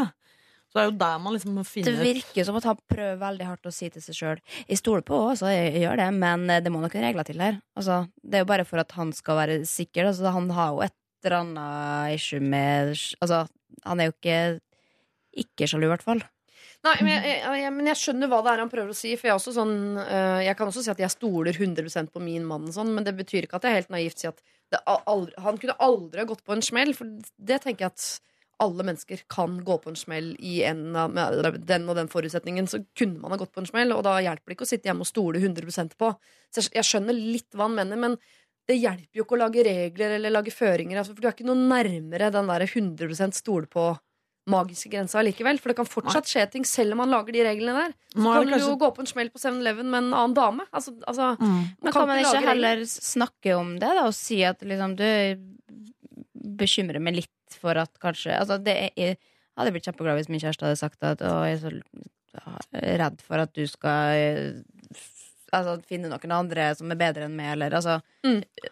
eh, Det er mye bedre å høre det enn å si 'du får ikke lov til det', for da blir du kontrollerende, den sjalu kjæresten. Mm. Uh, og at man heller liksom prøver å si hva man tenker man om det. det. Og, ja, og det hadde sikkert vært vanskelig for meg hvis du bare fikk til masse guttevenner, liksom. Jeg skulle helst ønske, ønske at det var jente, men selvfølgelig får du lov å gjøre som, som jeg vil, og jeg stoler på det. Eh, det er jo mye Det er ikke så vanskelig å si det, vel? Nei, altså Jeg er jo gift med en fyr som ikke er sjalu i det hele tatt. Aldri vært det er det. verste. Ja, men altså, det er jo sånn at jeg tenker at Ja, men jeg tenker at det er ikke så dumt å si akkurat det Linnea sier. Nei. Altså, nevne det. Jeg merker, jeg kjenner på at jeg blir litt sjalu. Mm. Fordi sjalusi er jo en sånn grønn og vond følelse som man ikke skal ha. Men en liten touch av det må være lov når du bor i sånn Ja, det er tenker jeg er sunt, det. Ja. Ja. Og det er også lov å si. Det, er, det sier noe om at det betyr noe for meg at du er der og jeg er her. Altså, Jeg tror det. Alle her fikk jo intuitivt en litt sånn rar uh, klump i magen når du legger fram disse reglene dine. For det skal ikke være noen regler. Jeg tror heller du skal på en måte eh, stole på at du stoler på, og legge fram uh, hvor godt du liker henne, at du syns det ville vært leit om hun traff noen som hun likte bedre enn deg, eller Men du må ikke prøve å lage regler, prøve å være kontrollerende, fordi du er ikke noe nærmere da vil du skyve henne fra deg. ja, du er lenger unna det du vil oppnå, nemlig å på en måte forsikre deg om at hun er din, bare din. Det klarer du ikke å oppnå, og i hvert fall ikke ved å legge regler osv. Du må heller bare eh, være veldig tydelig på at du er glad i henne, at hun er eh, det beste i ditt liv osv. Bare fluff kjærligheten, ikke legg masse regler i den. For da tror jeg du går i feil retning i forhold til eh, det du faktisk vil oppnå, som er å kunne kalle henne din og bare din. Lørdagsrådet På P3. P3 Bastille er tilbake på P3, denne gangen med Good Grief, som du akkurat har uh, hørt. Nå skal vi til en som kaller seg for Spenol. Uh, men ikke tenk at det er, har noe å si for problemene. Nå sa jeg at i hvert fall du, Henriette Stensrup, ble litt stressa for at vi skulle inn i noe analsaktig problematikk. Det skal vi. Det slo meg i hvert fall. Vi skal uh, faktisk ikke det. Men noen vil påstå at denne situasjonen vi skal løse her nå, er like ille som andre mener at analsex kan være. Hei! Hvordan skal jeg oppføre meg når noen synger i bilen? Jeg føler sjelden for å synge med, så det blir litt småkleint etter hvert når eh, bare én eh, av de to som sitter i bilen, synger. Dette høres kanskje ikke ut som et problem, men jeg har venner som ofte synger høyt med til musikk når jeg sitter på med dem i bil. Hjelp meg! Hilsen Spenol. Å, Spenol. Ja, Tar dette- veldig mye sosialt ansvar. Spenol. Jo, men dette kan være i bil Altså, Det er sikkert veldig deilig univers for deg, Hans Olav Brenner, at vi tar dette i bilen, hvor det jo hører eh, hjemme. Men for oss, eh, Linnea for eksempel, eh, flytt gjerne til et vorspiel, eller hvor det plutselig er forventninger om at alle skal være med på allsang, og colaflaskene settes fram som eh, fiktive mikrofoner, og så sitter man der som en ikke-allsanger. Og føler seg som en eh, Og så plutselig Det betyr ikke at jeg er sur eller partypooper. Jeg, bare, jeg, jeg er ikke en allsanger. Som Spenol her. Nei, men må alle andre, andre må få lov å synge. Hvis det, og i hvert fall hvis det er damers bil. Hvis du bare sitter på, så, så heldig å få lov til det, så må jo folk få lov å synge litt Kygo hvis de har lyst til det. Jo, men Jeg tror ikke hun vil at de andre skal slutte å synge. Hun bare er på jakt etter en eller annen måte å oppføre seg på som eh, signaliserer at hun Det er ikke fordi jeg er sur eller misliker at dere synger. Altså jeg, bare, jeg vil ikke synge. Det er ikke meningen å ødelegge stemningen i bilen. Jeg tror hun er litt streng, eh, eller han eller hun, eh, streng mot seg selv. For jeg tror hun bruker ganske, kanskje de tre minuttene den låta varer, da, på å tenke sånn Å, helle måned, jeg burde nå ha trallet med, og jeg Mm. gjør det ikke, og hva tenker nå Og det, ikke vedkommende? det, det er ikke det at hun vil at folk skal slutte å synge. Nei, nei, nei. Jeg tror ikke det. Nei. Jeg tror hun det føler at å, nå burde jeg ta ansvar og synge med. Og det tenker jeg at det kan hun bare glemme. Hun kan få la være å være allsanger og se på livsutfoldelse i førersetet der. Eh, og nikke samtykkende, men ikke ta så mye ansvaret for hva da hun skal gjøre. Bare trenger ikke gjøre noe. Ja, det er interessant Kanskje? at liksom sang vekker sånn pliktfølelse. At liksom det var sånn tvangssituasjon. Jeg synes det var veldig Jeg tenker at De som synger, de er jo veldig i sin egen verden. Jeg er jo en som synger ganske mye i bil selv. Eh, Er du det? Og kona mi hun slår hardt ned på det hvis det er i konkurranse med andre lydkilder. Altså Hvis det f.eks. er iPader som går i baksetet Ja. parallelt. Det kan jeg forstå. Akkurat det. Eh, Mange akkurat det. lydkilder på en gang. Det er vanskelig. Men ellers så syns hun det er veldig bra. Og så tør hun også å sovne og la være å følge med på trafikken når jeg synger. For da har hun liksom et eller annet sted i underbevisstheten så oppfatter hun at her er det positiv aktivitet i bilen. Vi krasjer ikke, vi kjører ikke av veien, han sovner ikke, osv. Hans Olav har kontroll. Han, har koser kontroll. seg. Så derfor ja. er det liksom sånn jeg synger og synger og synger i timevis hvis det er lange turer. Ja, lange låter. tror Men du jeg, så det tenker hun der, da. Hun overvurderer litt sin betydning. Eller ikke sånn sett, men hun er jo veldig følsom sikkert òg. Men, men liksom, det betyr ikke noe fra eller til om hun ikke kaster seg med. Det er noe helt åpenbart. Nei, jeg tenker sjøl. Jeg synger ofte i bilen også. Hvis noen ikke, eller velger å ikke delta, så tar ikke det personlig, eller skulle ønske at folk sang med. Jeg vil gjerne synge alene. Det er en hån mot artisten, da. Det kan synge med hver også, skal jeg fortelle deg. Ja, men det er- egentlig litt deilig at dere bagatelliserer Eller om ikke bagatelliserer, så drar dette problemet litt sånn ned på jorda. Fordi jeg tror jeg og, og Spenol her, vi kommer fra uh, samme mamma på en eller annen måte. Mm. For jeg også syns det er ekstremt ubehagelig når folk synger rundt meg, og, og har jo da måttet gå fra fest en gang fordi det utviklet seg til å bli sånn allsangfest. Og i den verste sånn Singstar-perioden så var jeg altså så asosial og satt hjemme og, og i dusjen med gaffel og skrapte meg opp nesten. For det var så vanskelig å være hun som ikke sang Mm. i situasjoner hvor det virket som om alle skulle synge. Så tenkte jeg, man, jeg hadde så lyst til å skrike og slå meg på brystet og si sånn Jeg er ikke sur! Jeg, bare, jeg syns det er flaut å synge! La meg, altså, det var, jeg skjønner at Spinol syns det er vanskelig, og jeg er glad nå for at dere gjør meg og Spinol oppmerksom på at, uh, at Ingen syns du er sur. Nei, det er bare- ingen som egentlig de- legger merke til oss i det hele tatt. De er så oppe i sin egen stuss, de som synger øh, sånn, på den Ja. måten, og lever ut livsutfoldelse. Ja, for det var det. Er det sånn, Siri, da, at du uh, er redd for skal bli oppfattet som sur, eller er det mer at du skulle ønske at du var litt sånn friere menneske? Som Det klarte- Men det må bare drikke mer, da. Nei, nei. Det nei. må jeg absolutt ikke. For da blir du faktisk sur. Da blir jeg sur, da. Men liksom, vi kan ikke alle være sånn homoluden som bryter ut i sang hele tiden. Nei. Og det er helt greit. Det, da får man være jakttaker, observere, notere. Aha, det fins mennesker som traller i bil. Mm. Og la det være med det. Ja. Det er helt ålreit. Ingen syns du er dust for det. Ingen syns du er dust, eh, Spenol, og så kan du få arve min, eh, en plan jeg har hatt i mange år, som jeg fortsatt ikke har satt ut i livet. Ta puggejern, en sånn en eller annen rapplåt som ingen andre kan. Så den dagen den kommer på, så klinker du til og overrasker alle som aldri har sett deg synge, med at du kan en hel Eminem-låt på, eh, på ramsel og sånn. Så jeg er sikker på at det blir så rart og kleint, og du kommer til å uh, ha det så gøy etterpå, og du kan være taus derfra og ut. Vær så god. Mumford Sons med sin eh, Wolf har vi hørt her på NRK P3. Og før det Adele med sin Someone Like You, som jo er en typisk låt man eh, synger eh, med til hvis man er alene i bil, eller eh, som Spenol da så traumatisk opplever, at andre i bil synger med på, og hun tør ikke å være med. Kanskje hun ikke vil. Det skriver hun faktisk ikke noe om. Nå skal vi til Ida, dere, som skriver eh, Jeg har et problem som jeg håper dere kan hjelpe meg med. Det har seg slik at for noen år siden så ble jeg sendt med Christian. Christian ble fast invitar på fester og diverse sosiale ting, og jeg og Christian fikk en fortrolig tone. Leken, litt flørtete og avslappet. Tidenes person å henge med, denne Christian. Og vi fortsatte å flørte og til og med datet litt. Men Christian gjorde det klart for meg at han ikke ville ha et forhold, men at vi godt kunne være venner. Men vi flørtet fremdeles litt med hverandre, men eh, det er vel mest jeg som tar kontakt. Jeg må være ærlig og legge til at jeg kanskje føler at det er jeg som er mest keen på Christian, og ikke omvendt, selv om det tidligere har vært omvendt. Jeg har også møtt han når jeg har vært ute på byen og endt opp med å gå skuffet hjem fordi jeg ikke har fått den oppmerksomheten jeg har villet ha. Men jeg har etter hvert forsonet meg med at Christian kanskje ikke er så keen på meg, og at det ikke blir oss to.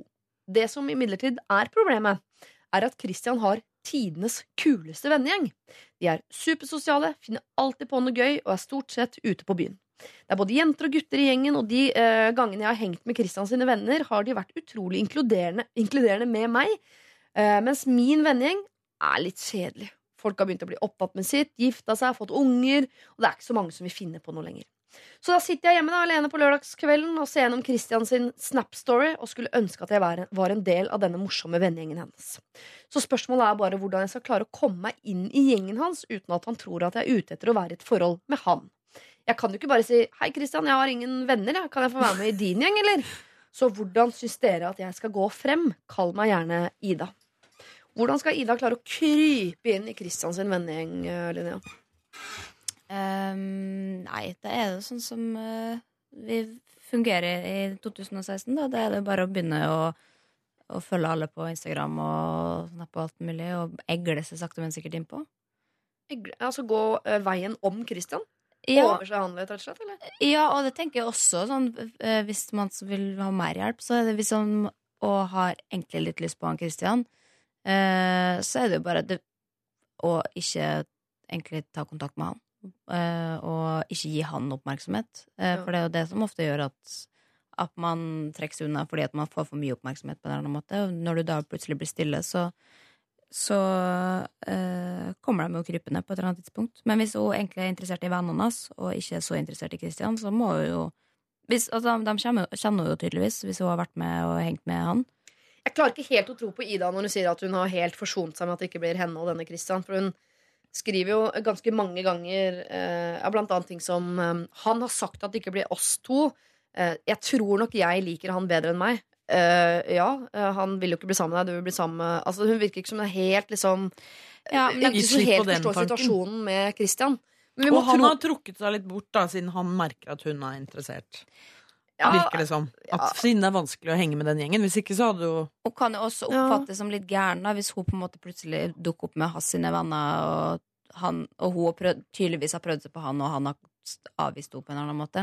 Um, Det virker som om denne gjengen var det viktigste av alt. Så Ja. prøve å bli sammen med en eller annen i gjengen. Da. eller det er det å prøve å overbevise seg sjøl om. ja, Vi vet jo ikke om det er gjengen som er viktig, selv om hun prøver å overbevise seg selv. Men det hun sier at er problemet, og som jo da på en måte er vårt uh, mandat å skulle uh, prøve å løse, er jo hvordan hun kommer seg inn i vennegjengen til denne Christian. Mm. Og da må hun jo samtidig få sendt et eller annet signal om nettopp det. At hun ikke er gæren og ikke ute etter Christian. og ikke det der Hun er rett og slett bare har lyst til å henge med en gjeng som finner på mye gøy, og det har hun også lyst til. Og det forstår jeg veldig Men noen ganger kan det jo vanskelig å få venner enn å få kjæreste, nesten. Så jeg skjønner at hun liksom er litt i stuss over hva som er liksom inngangen hennes her. Men da, som, som sagt, jeg tenker at da er det internettet er veien å gå. I hvert fall å bare liksom virke interessert og kanskje kommentere litt innimellom og, og sånne ting. Og hvis man da plutselig treffes på byen, eh, og Kristian skal være der, liksom, og bare liksom gi noen hint om at 'Å, du svalene dine er så kule', og, eller bare i hvert fall en spesifikk, eller sånne ting. At, at det ikke virker som at, at uh, det egentlig er han hun har lyst til å treffe, da. Mm. Og at hun gjerne kan være ute med dem uten at Kristian er der også. Kanskje enda heller det. Men skal hun øh, bare liksom spre oppmerksomheten sin ut i hele denne vennegjengen, eller skal hun Nei. gå Nei, gå spesifikt Nei, for Det var det som var mitt veldig opplagte råd. At det må jo finnes, Hvis hun syns dette er så ålreite folk, så må det være et eller annet spesifikt menneske her minst som hun har fått litt ekstra god kontakt med. ja. med. Eller gå inn og gå på litt sånn sånn fokusert strategisk eh, angrep. Men Skal gå for en jente den gangen her, da? Kanskje, Kanskje det er lurt. Gå for en jente. Bare for at det ikke virker ja. som noen sånn annen strategi i forhold til Christian. Ja, det er helt sant. Det er jo kanskje den beste løsninga. Men det har jo på alle andre problemer vi har hatt så langt i dag, og nesten så langt i Lørdagsrådets historie, så er det på et eller annet tidspunkt en eller annen rundt bordet som foreslår uh, hva med å snakke om det. Uh, altså, ord, ordet dialog kommer ofte opp. Men her, det dukker ikke opp her. Det er ikke noe man skal snakke om her. Nei, for det at det, altså, Sånn jeg leste, så er det jo en, fortsatt en interesse for han eh, der. Og da skal man ikke snakke om det, for da har du på en måte ja, mista sjansen din eh, til å kanskje få det til å funke igjen. da Og så virker det litt Mm. gjennomsnakka, siden han har vært tydelig. Ja. Han har sagt sånn Det blir ikke oss, eh, og sånn, så har de hatt en form for sånn type samtale. Mm. Så Da må heller- gå inn i kompis... Ja, gå inn eh, på ei venninne, og så kan man heller si det til henne at nei, det går ikke, det er jeg ikke interessert i han lenger, liksom. Eller altså eh, Og bare plante dem frø og si bare sånn Nei, mine venner har fått barn og gifta seg og har blitt kjedelige. I, dere er så kule. Ja, kanskje ikke akkurat på den måten, men sånn eh, la meg være en del av dere. Um, Nei, men rett og slett kommentere litt sånn Herre, Det så veldig gøy ut, og åh, dere er så flinke til å ha det gøy. Og bare legge ut noen stikker og håpe at det er en eller annen gjeng som sier sånn Herregud, bli med neste gang, da. Ok. Alt dere sier nå, er sånn jeg trodde man ikke skulle gjøre. Oh, ja. Det Hvorfor det? ser ut som dere har så gøy. Og, og, Nei, det, jeg, det. jeg ville nok ikke sagt akkurat de ordene, jeg heller. Jeg er ikke jeg helt alene og Det er så. Jeg tenker meg litt sånn Hvis du i dag drikker en kaffe med dette ene mennesket, da, Ja. og så sier du Kan ikke du være med og feste med oss igjen? Nei, det tror jeg blir litt for vanskelig, og jeg hadde en sånn greie med han. Det er helt over nå, men eh, Og så blir du liksom overtalt inn i dette her. Det må jo være perfekt. Og så Ja, er man. Ja, men Er ikke hun fortsatt interessert? Å nei, nei, overhodet ikke! Det var bare så vidt jeg fikk henne med meg ut. Men Det er en perfekt ideell Ja. situasjon. Da. Men hvordan kommer du inn på den kaffen, da? Det er den kaffen. Ja, det blir jo sånn hus. Da må man kanskje ha sånn Nei, for det er ikke lov å ljuge. Sånn annen agenda. Sånn, hvis en går på Westerdals, da, av de, Ja. så er det sånn Hei, jeg har så lyst til å søke på Westerdals. Kan jeg ta en kaffe med deg, eller øh, hører også man søker på Westerdals? Mm. Og så gjør man det. det, man får igjen pengene sine hvis man blir lurt. ja, sånn, liksom. Og så har man den, men egentlig handler det om sånn Så gøy dere har det. Ja, for jeg ser for meg at de er sånn gjeng Kristians gjeng er sånn eh, folk som eh, bygger eh, Norges lengste vannrusjebane ute i eh, skogen et eller annet sted. At de har har det sånn- gøy! at de er en sånn gøyal gjeng, og da kan du si sånn Herregud, jeg har alltid drømt om å Bygge bade i verdens lengste Nei, rusjebane. herregud, du trenger ikke skrive det. Du kan bare skrive en sånn hjerte, hjerteøye-smiley. Ja. Det holder massevis, det. det Hva, er det ett hjerte og ett øye på den? Nei, den emojien med bare hjertet i øynene. Ja. Ja, Ja. sånn, ja. Det er så enkelt. Ja, for Ja, jeg har Og da blir du invitert? Yes. Nei, men da i hvert fall viser du en, en, en Ja. viss interesse da, for Eller at å, eller du er pen, eller whatever. Sånn, så enkle er jo jenter om dagen. Ja, for at jeg sitter jo en del hjemme nå. Og så følger jeg med på mange av vennene mine på sosiale medier, faktisk. Ja. I hvert fall med to sosiale medier. Og så opplever jeg med litt sånn skrekkblandet fryd at mange av dem som jeg liksom ser på fra sånn litt ulike hold, og de finner hverandre liksom ute på byen der. Så Ja. plutselig så innbiller de seg at de er sånne nye gjenger, både det ene og andre. Jeg syns det er veldig, virker som det er veldig lav terskel på å finne sammen i stadig nye konstellasjoner. At folk er litt, rett og slett sånn vennskapsmessig veldig lette på tråden. Litt for lite monogame på venne... Ja, jeg tenker at vi lever i ideell alder for dette mennesket her som ønsker å infiltrere en gjeng hun egentlig ikke er en naturlig del av. Ja. Liksom det er veldig lav terskel. Ida, det høres ut som det er enklere enn du tror. At det kanskje sitter litt i ditt uh, hode. Men det er sosiale uh, medier som er veien inn. Kommenter på det vennene gjør. Med Se om du, og se om du kan uh, hjerte-emoji. Og så ser du om det er kanskje ett menneske i den gjengen du har ekstra god kontakt med. Som du kan finne en eller annen naturlig grunn til å ta en kaffe med, eller kommentere litt ekstra på. Eller sånn, og kom i et naturlig tempo inn i denne gjengen og gå altså omveien rundt denne eh, Christian. Eh, han var din vei inn, det er han ikke lenger, så nå må du bruke sosiale medier på en litt kløktig måte. Det kan ta tid, men en eller annen dag så er det ikke mer enn en eh, emoji med hjerteøyne som skal til før du blir eh, bedt med ut på Norges lengste vannrusjebane. Dette er Lørdagsrådet På P3. P3. Selena Gomez sammen med Charlie Puth, som da synger We Don't Talk Anymore. Og det kan jo være et problem i seg sjøl, men det skal vi ikke løse nå. Nå skal vi nemlig eh, løse et helt annet eh, problem. Kjære kloke Lørdagsrådet. For noen år tilbake hadde jeg et kort og heftig forhold til en mann her jeg bor. Det varte ca. fire måneder, men i løpet av den tiden var vi veldig mye sammen, og jeg var blant annet med på en ferie til hans familie. Han bor her hvor jeg bor pga. ungene sine, men har all sin øvrige familie et sted ca. åtte timers biltur unna. Det går ikke an å fly hit, og med så lang reisevei er det med andre ord ikke så ofte de ser hverandre. Men de er veldig veldig glad i hverandre, da. Og jeg husker at han var en svært familieskjær fyr, og han syntes det var tungt at alle hans nære bodde så langt unna. Her kommer spørsmålet mitt inn. Jeg driver for tiden og går gjennom gamle bilder for å lage fremvisning til min konfirmant, og fant en hel masse bilder fra denne ferien for mange år siden. Det er veldig fine bilder av eksen og hans barn, hans foreldre, hans søster med barn og, øh, og mann, og hans gamle mormor osv.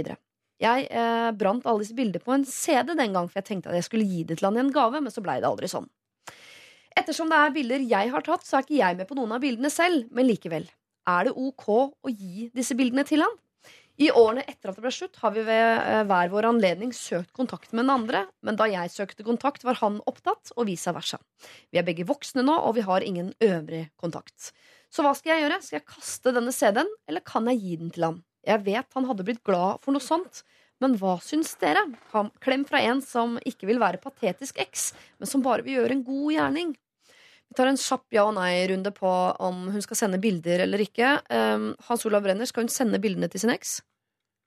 Eh, i- ja, ja Du skal få muligheten til å utdype. Ja, ja, altså bare sånn, og gjett dem som tok disse bildene, din horebukk. For hun er jo ikke på noen selv som kan lage litt sånn quiz ut av det. Ja, Hvis du vet artig, svaret, så møt meg på artig innspill. Ja, jeg noterer bare ja av det innspillet der på deg. Eh, Henriette Stensrup. Ja fra meg òg.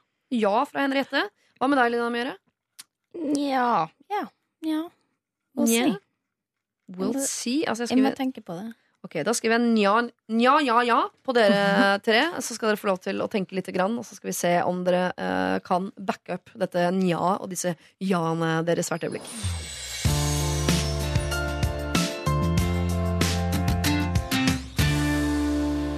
Highasakite med sin golden ticket, og rett før det så svarte Hans Olav Brenner ja. Henriette svarte ja, og Linnea Myhre svarte nja til om eh, man skal sende bilder av eksen og hans familie som en gave til eksen mange, mange år etter at det er eh, slutt. Eh, hva legger du i ditt eh, ja, Hans Olav? Bortsett fra Du la jo til et hevnmotiv der òg, som jeg ikke aner hvor dukket opp eh, fra. Ja, gjett den bilden her fra din Det var upassende. Det var bare det at eh, jeg tenkte at det var litt artig dette her at hun ikke var på et eneste bilde. At hun liksom hadde tatt seg selv helt ut av det. Så var det, Hvis han sendte bildene, så kunne det vært en helt sånn clean greie. Hvor det på en måte aldri gikk frem hvem fotografen var, nesten, med mindre han klarte å gjette seg frem til det. Og så begynte jeg å dø, eh, på en måte fantasere meg frem til at han hadde hatt veldig mange partnere og faktisk ikke klarte å svare på spørsmål osv., men det var jo langt utenfor saken.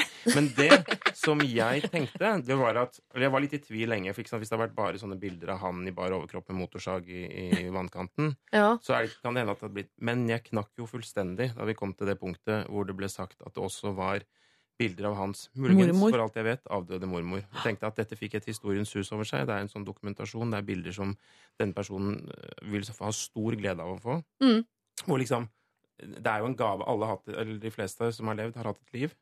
Mer eller mindre. Så at da, da, da har man opplevd mye forskjellig. Ja, ja, ja. Eh, Samvarierer. Og da tenker jeg at liksom, ja, det har man jo, og da er det fint å få den dokumentasjonen man kan få. Er det dette som ligger bak ditt ja også, Henriette Sentrum? Ja, men så under uh, High As A Kite så tenkte jeg jo at eh, jeg tenker at eh, hun, eh, hun har kanskje et litt ekstra vikarierende motiv for å sende bildet. For hun, hun vet nå han er singel, jeg er singel, vi er blitt voksne. Så hun ønsker seg kanskje en eller annen form for respons. Og da tenker jeg bare at da må man bare vie Jeg vet ikke hvordan det bruddet var, om det var veldig sårt, men jeg tenker at hun må sende de bildene til han. og vite at det kan godt hende at det bare er å, tusen takk for bildene. Mm. Det er ikke sånn nødvendigvis da at hun får en respons. Tusen takk for bildene. Fikk meg til å innse hva vi har mistet i alle disse årene. Altså, det er ikke sikkert det vil uh, gi noe uh, etterspill. Romantisk. Så hun må være klar over at hun kan uh, oppleve en liten sånn blaff av skuffelse. Hvis det er sånn at det er litt vikarierende, det, den CD-rommen da, Ja. som hun sender.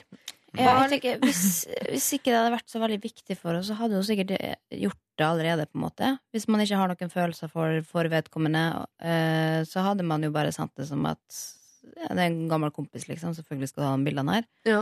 Uh, men er for at man sender bilder hvis man på en måte legger det fram på en måte som at man innser at ok, det her virker kanskje Eller det er ikke meninga her å skal liksom vise det Eller altså det, her, Jeg prøver ikke å hente noe her, liksom, men eh, Eller i fare for å virke gæren eller et eller annet sånt, og bare ha litt humor på det. Eh, her får du bildene som vi fant. Jeg har lyst til at du skal ha dem fordi det er familien din, og eh, det er dumt av meg å kaste dem. Men jeg Eller- tenker det er litt sånn undersø eller det er litt sånn farlig å selge inn og si sånn Nå virker jeg sikkert skvatt pæregæren! Fordi da, har du, da sier du på en måte at jeg har tenkt så mange ting rundt de bildene her før jeg sendte de. Hvis man liksom vil prøve å skjerme seg litt for uh, såring, så ville jeg sagt Fant disse gamle bildene. Tenkte du ville sette pris på det? Send av gårde. Men hvordan du, hadde du tolka hvis en ekskjæreste plutselig sendte masse bilder til det, da?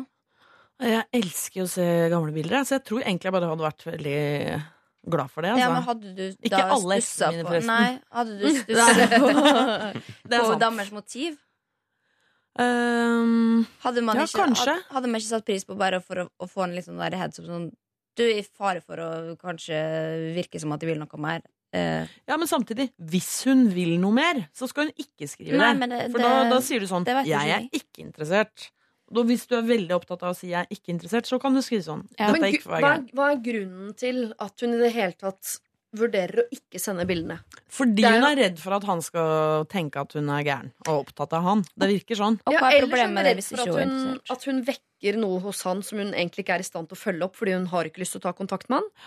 Eller at, tenk hvis han har fått en ny dame. Da. Det er ikke sikkert hun vil sette pris på at det plutselig deiser inn en, en bunke med bilder fra en eks osv. Men jeg bare litt tilbake til det, du sa, Hans Olav, med eh, hvor viktig bilder faktisk kan være. Så tenker jeg at alt det der spiller ingen rolle.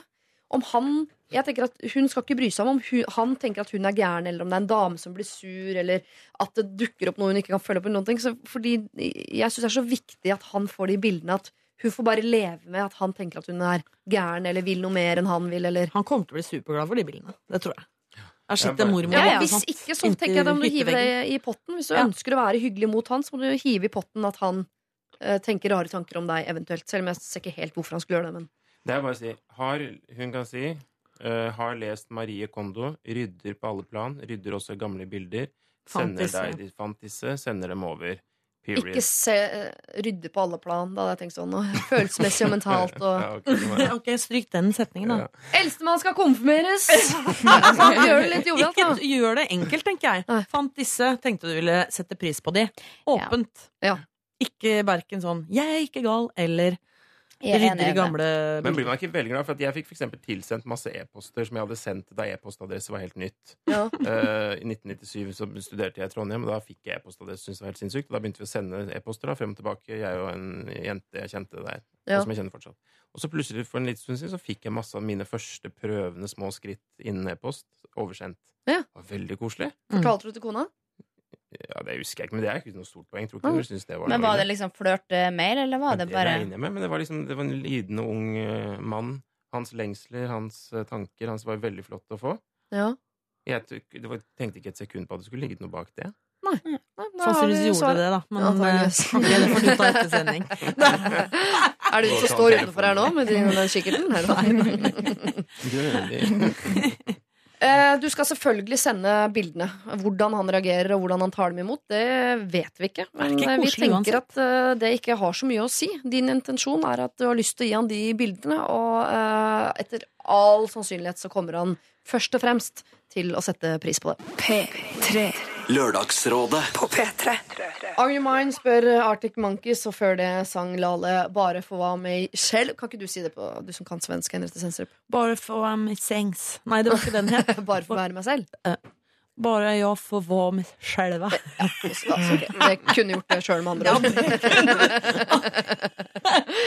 ja ja, det får bli en eh, annen gang. Dere skal dele ut eh, en eh, kopp. Og Linnea Myhre, du har allerede lagt en kandidat i potten, egentlig. Nemlig førstemann ut i dag. Som nettopp handlet om en ekkel kaffekopp. Da var det altså en som var i stuss over at svigermor Nei, stemor var det. Jeg har aldri vasket kaffekoppen. Den var ganske stygg, den kaffekoppen. Ligger ute på Facebook uh, as we speak. Uh, og hun ville altså bli kvitt koppen. Vi mente at hun skulle knuse denne koppen og uh, reise derfra. Men vi har flere kandidater. Eh, vi har eh, altså da denne vennegjengen på seks, der det er en tysker iblant dem. Og det mener jeg på så mange måter. Som de ikke liker og ikke ønsker at skal være med på fremtidige turer til utlandet. Så har vi da eh, gutt 22, som vi godt kan kalle Ronny, som lurer på hvordan han skal bli kvitt dette enorme finerskapet fra Ikea som han har lov, lovt å sitte barnevakt for i året som kommer. Så har vi en eh, litt pågående svigerfar, en som sender tekstmeldinger til jente 21 om at eh, hvis de hadde vært litt tettere i alder, blant annet, så kunne han godt ha funnet på å prøve seg på henne. Det eh, skal du ikke.